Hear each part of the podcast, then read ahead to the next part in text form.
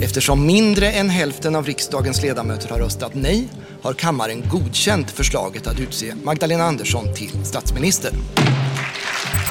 Efter några om och flera men är Magdalena Andersson Sveriges statsminister. Och hon leder den första enpartiregeringen på 15 år. Är hennes huvudvärk över nu? Eller har den bara börjat? Så länge Centerpartiet vägrar befatta sig med Vänsterpartiet, ja då är det ju svårt för henne att göra trovärdigt i en valrörelse att hon har ett regeringsalternativ. På en kvart får du veta vad valet av nya ministrar säger om Socialdemokraternas väg framåt.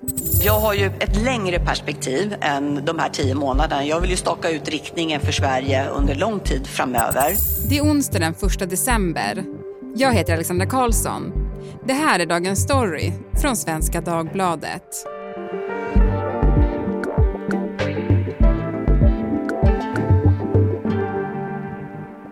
Annie Reuterskiöld, politisk kommentator här på Svenska Dagbladet. Ja, du är ju en politikräv av rang. Fanns det någonting som till och med överraskade dig igår? Ja, men det var ju en hel del nya namn och jag tror inte att jag var ensam om att sitta och googla en del av dem.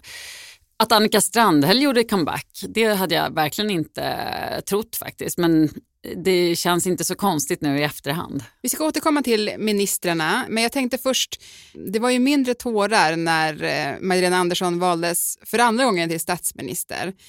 Men hur lättad var hon nu när allt var klart? Jag tror att hon eh, tycker att det är skönt att kunna sätta igång. Det här har ju verkligen dragit ut på tiden och hon lät redo redan på S-kongressen i Göteborg i november. Så att, eh, jag tror mest att det är en lättnad på det sättet. Och ministrarna då, det är ju det mest spännande, eller? Ja, ja men lite spännande är det faktiskt. Vad tycker du är mest spännande? Nej, men jag tyckte verkligen det och jag satt som på nålar. Eh, för man måste ju höra hela regeringsförklaringen då och det tänker jag att du som kommentator lyssnar mycket på.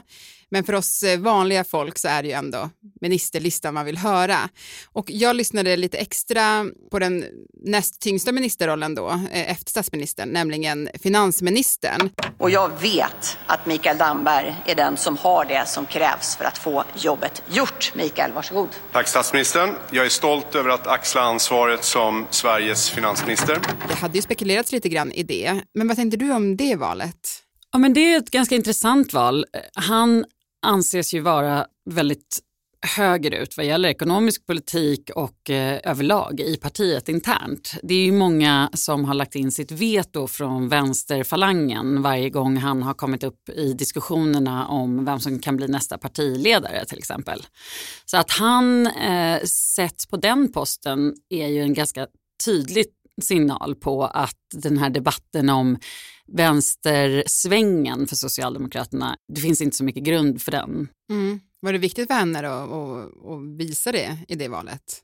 Ja, det är svårt att säga hur hon har tänkt men att hon också sätter Max Elger som tidigare har varit statssekreterare på posten som finansmarknadsminister är ett tecken på samma sak. Det är två eh, socialdemokrater som av partiet anses stå väldigt långt högerut. Mm.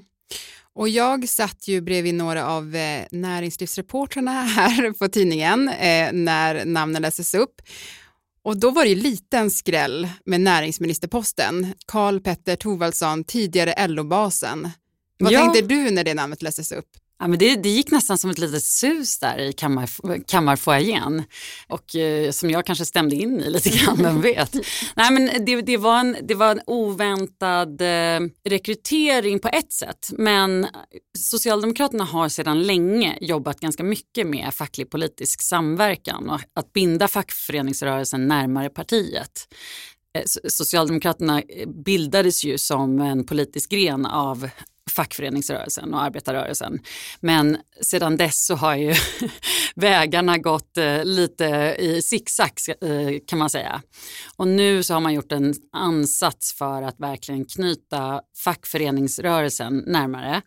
Och det är ju såklart främst för att man vill sluta läcka väljare till Sverigedemokraterna men också kanske kunna ta tillbaka några av dem man redan har tappat.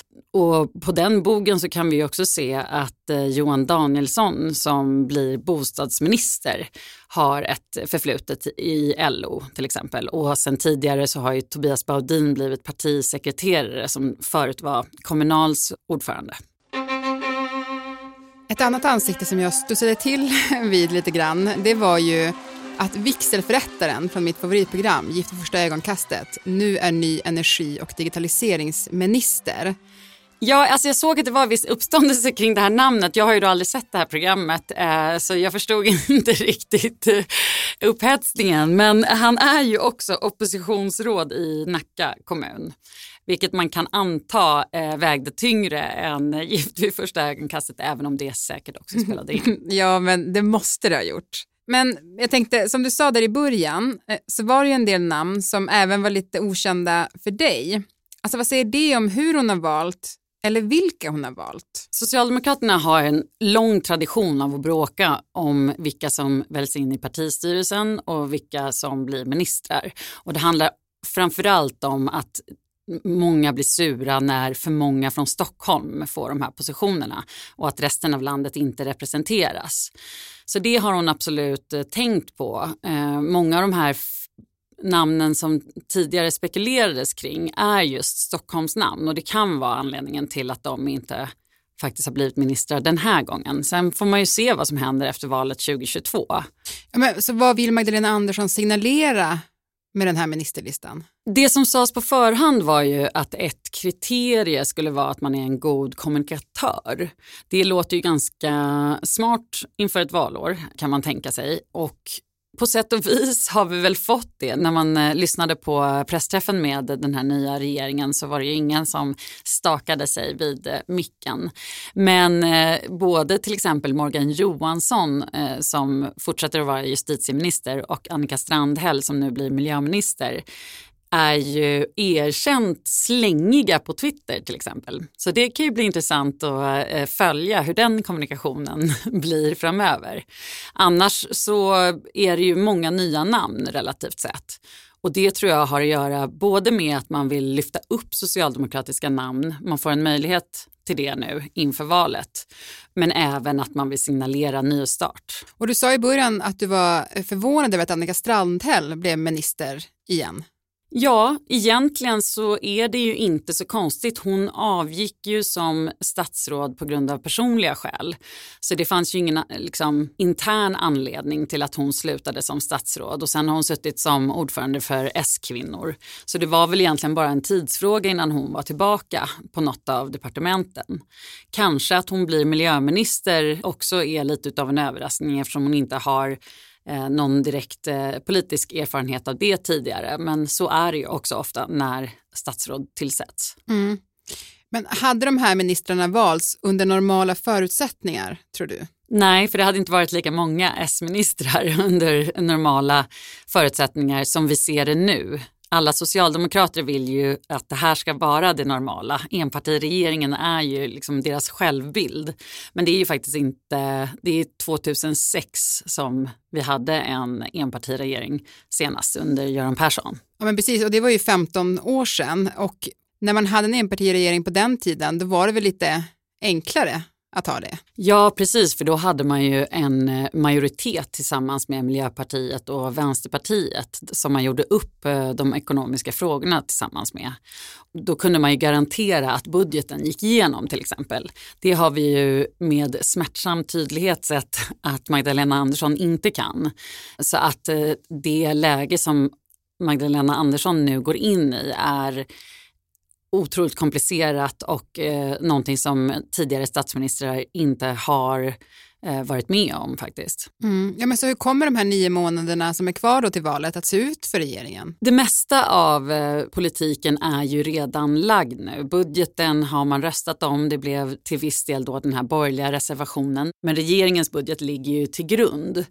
Och även uppgörelser om skog och strand, där är det lite oklart Eh, framöver vad som händer nu när Miljöpartiet har hoppat av. Men det vi kommer se är antagligen att Magdalena Andersson och Socialdemokraterna försöker lägga sig så nära Moderaterna som möjligt i brott och straff, rättsliga frågor. Det märkte man ju på regeringsförklaringen igår att eh, hon la sitt första, största fokus där. Kriminalpolitiken läggs om. Fler än 70 straff har skärpts. Målet om 10 000 fler polisanställda. Vittnen ska inte hotas till tystnad. Den som begår fler brott ska straffas hårdare. Och en ordning med statliga ungdomskriminalitetsnämnder. Det grova våldet det är ett gift som hotar hela vår samhällsgemenskap och det undergräver tilliten mellan människor och urholkar framtidstro. Det ska bekämpas med det demokratiska samhällets fulla kraft. Och det gör man ju i sånt fall för att försöka minimera konflikten. Politik handlar ju väldigt mycket om att söka konflikter för att det är där man får väljare att haja till och, och välja sida så att säga.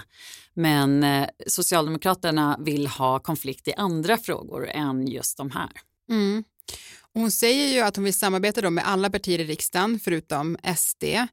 Men kommer eh, högerblocket vilja samarbeta med Socialdemokraterna. Nyamko Sabuni har ju gått ut nu, partiledare för Liberalerna och sagt att hon kan tänka sig att eh, komma överens med Socialdemokraterna i enskilda frågor. Och det kan ju säkert Centerpartiet också göra, lite beroende på vem man har förhandlat med innan då. Det är ju där det är störst problem med Centerpartiets inställning till Vänsterpartiet. Men eh, till och med Moderaterna kommer ju också säkert kunna komma överens med Magdalena Andersson. Det blir svårt för Ulf Kristersson att rösta ner ytterligare straffskärpningar till exempel. Under dagens omröstning av budgetförslaget i riksdagen fick regeringspartierna Socialdemokraterna och Miljöpartiet inte igenom sitt budgetförslag. Nu känns det ju som att högerblocket, eh, alltså M, KD och SD, mer och mer går fram som ett regeringsalternativ i valrörelsen, medan vänstersidan då verkar väldigt splittrad i och med det som har hänt senaste eh, veckan.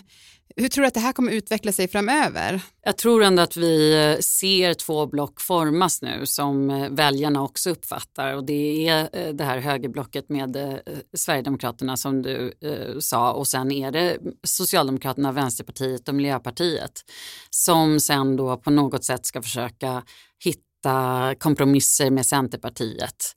Men det är just det som är det stora frågetecknet i svensk politik just nu. Hur det ska gå till och vem som kommer ge vika. För regeringen ska ju också förhandla en vårbudget. Precis, och den är ju inte lika omfattande som höstbudgeten. Det är ju mer eh, kompletteringar och, och förändringar och nu har vi ju sett under pandemin enorma summor kopplade till vårbudgeten. Men i vanliga fall så är det mindre summor det handlar om om.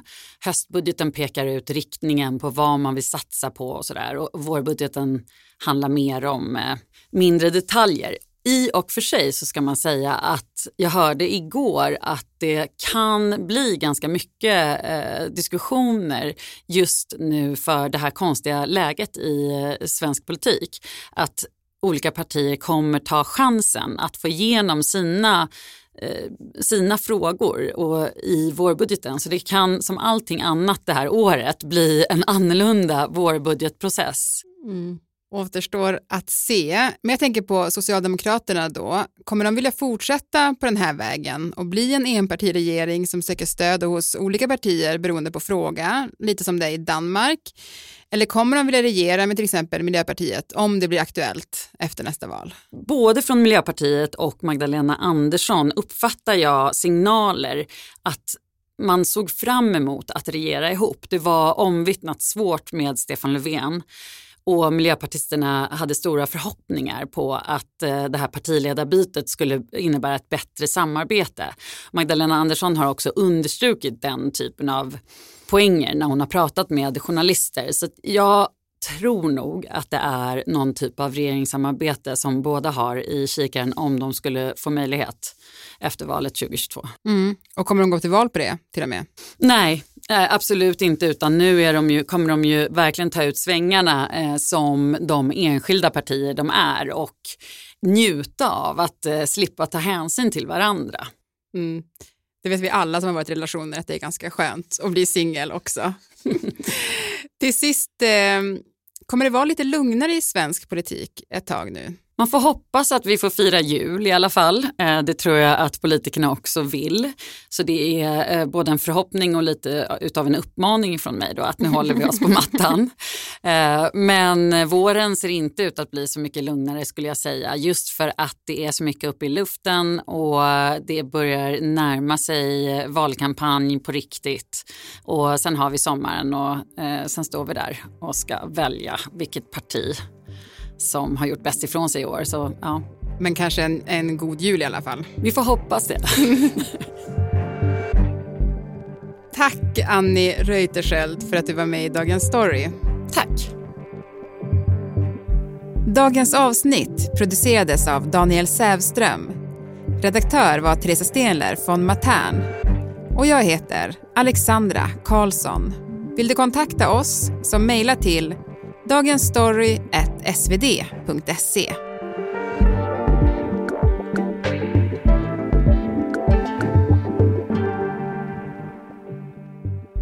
Klippen som hördes i dagens program kom från SVT Nyheter, Morgonstudion, Aftonbladet och Sveriges Radio Ekot.